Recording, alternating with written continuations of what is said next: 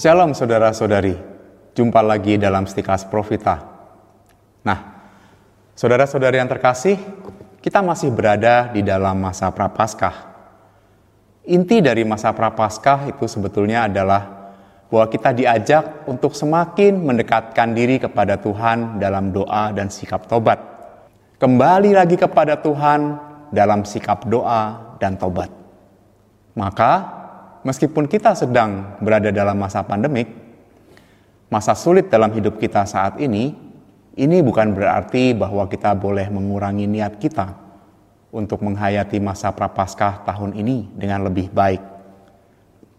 Kita diingatkan kembali untuk mendekatkan diri kepada Tuhan dengan menghayati doa dan terutama pertobatan hidup kita. Bertobat berarti kembali melakukan pembaharuan cara berpikir, cara berpikir kita, terutama tentang hidup di hadapan Tuhan. Kita meluruskan kembali jalan hidup kita yang kurang benar. Kurang benar dalam arti mungkin selama ini hidup kita jauh dari tuntunan firman Tuhan. Misalnya saja, coba kita lihat apakah doa-doa kita hanya berisi permintaan, permintaan, permintaan sebagai satu daftar yang panjang yang tidak ada habis-habisnya. Nah, saat ini kita diminta untuk kembali melihat apakah iya hubungan kita dengan Tuhan hanyalah sebagai suatu daftar permintaan yang panjang. Kita mungkin kurang bersyukur akan banyak hal yang sudah kita terima dalam hidup sehari-hari. Misalnya saja bahwa kita masih bisa bernafas dan kita masih memiliki hidup dan kesempatan untuk bertobat. Lalu apa maksudnya? Begini. Sadar atau tidak, masa Prapaskah 2021 ini menjadi masa Prapaskah kedua di mana kita melewatinya dalam kesulitan dan ketakutan hidup karena pandemi COVID-19. Kalau kita sadari, ketika belum ada pandemi COVID-19, kita cenderung untuk menjalani hidup secara mekanis, seperti menjalani siklus yang terus berputar Pagi bangun, lalu siap-siap, entah berangkat kerja, entah berangkat sekolah, berangkat kuliah, mengurus rumah, dan lain sebagainya. Lalu sore atau malam pulang ke rumah, istirahat, tidur, dan seterusnya. Besok lagi bangun lagi, dan seterusnya sama seperti itu. Besok sama, lusa sama, seperti itu. Nah, ketika pandemik ini datang, banyak hal yang mau tidak mau harus berubah dalam rutinitas hidup kita Misalnya saja tadinya boleh berjalan lancar, sekarang jadi kepikiran, apakah perusahaan tempat saya bekerja akan bisa tetap berjalan lancar sehingga saya masih bisa bekerja? Bagaimana juga misalnya memastikan keluarga saya aman dan tidak tertular COVID-19 kalau beraktivitas di luar misalnya?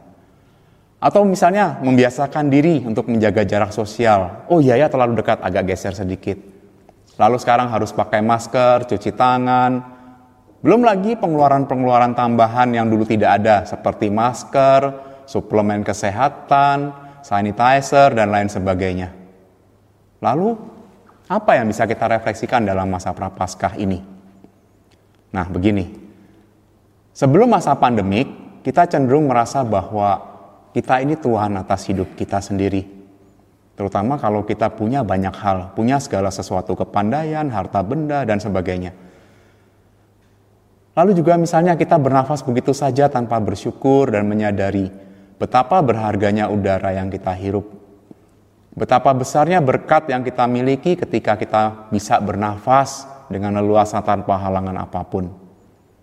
Nah, di masa pandemik sekarang ini, kita harus pakai masker kalau kita berada di tempat umum.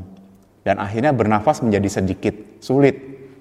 Apalagi buat mereka yang mengalami gangguan pernafasan karena penyakit COVID-19 ini.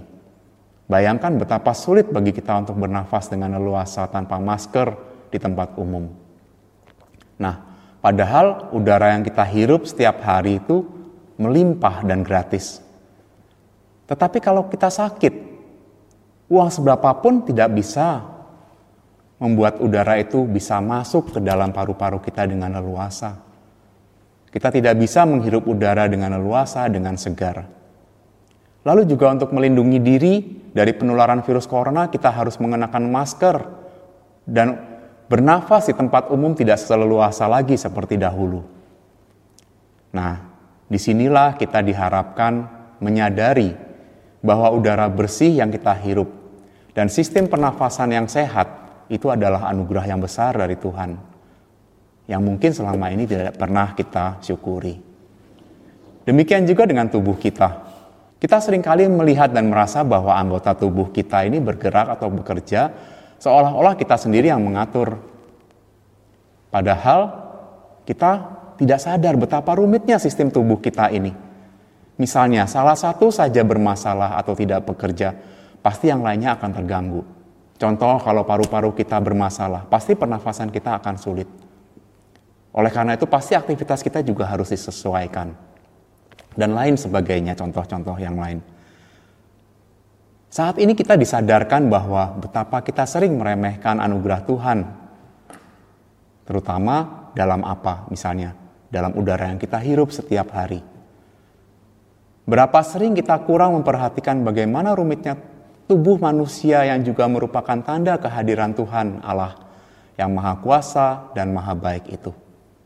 Nah, melalui ini semua, kita disadarkan bahwa manusia tidak berkuasa atas hidup dan tubuhnya sendiri. Tak seorang pun dapat menjadi penguasa atau tuan atas hidup dan tubuhnya sendiri, sekalipun memiliki uang, potensi, bakat, dan apa pun yang banyak. Di masa prapaskah ini, baiklah kita melihat lebih dalam lagi. Ini adalah masa kita menarik diri dari hal yang biasa dan rutin, dan melihat semuanya dalam hubungannya dengan Tuhan, Sang Pemberi Anugerah Kehidupan. Masa Prapaskah ini adalah masa di mana kita mempertajam penglihatan kita untuk melihat kedalaman hidup ini. Menembus lebih jauh untuk boleh menyadari Tuhan yang menjadi sumber kehidupan Tuhan menyediakan segala yang baik untuk digunakan dan menopang hidup kita sebagai manusia. Kenapa? Supaya manusia ingat akan kebaikannya, lalu bersyukur dan menyadari kebergantungannya kepada Tuhan. Tanpa hal itu semua, kelimpahan anugerah Tuhan hanya akan kita nikmati sebagai ya memang harusnya begitu. Dan akhirnya kita hidup hanya sebagai suatu rutinitas saja. Dalam kata lain, anugerah Tuhan yang melimpah, yang mengelilingi hidup kita, membuat kita merasa, ya memang seharusnya begitulah. Dan menerimanya sebagai bagian dari hidup yang tidak perlu disyukurin. Nah, sekali lagi masa prapaskah ini harus menjadi momen bagi kita untuk kembali menilai hidup kita secara tepat. Kebenarannya adalah bahwa hidup ini adalah anugerah Tuhan semata. Dan tidak ada sejengkal pun dari sisi-sisi hidup kita yang bisa membuat kita menjadi tuan atas kehidupan kita sendiri. Lalu melepaskan diri dari kemahakuasaan Tuhan. Nah, mukjizat Tuhan itu bekerja dalam setiap momen kehidupan kita. Juga dalam momen-momen yang tampaknya biasa dan rutin. Dalam setiap derap langkah setiap hari, dalam setiap tarikan nafas. Memahami kebenaran ini membuat orang tidak bisa tidak pasti akan bersyukur kepada Tuhan, pencipta dan pemelihara kehidupan. Kalau kita meluputkan perhatian akan hal-hal ini, ya maka hidup akan terasa seperti sebuah gerakan mekanis. Oleh karena itu, masa prapaskah tahun ini diharapkan menjadi suatu momen untuk kita berefleksi, untuk melihat dua sisi sekaligus. Yaitu pertama bahwa setiap jengkal kehidupan adalah anugerah Tuhan. Kedua, bahwa sesungguhnya manusia itu sangat rapuh dan hanya dengan menghormati kehidupan sebagai anugerah Tuhan kita memperoleh kekuatan. Nah, semoga saudara mencintai dan memahami kebenaran sehingga akhirnya diselamatkan. Salam Profita.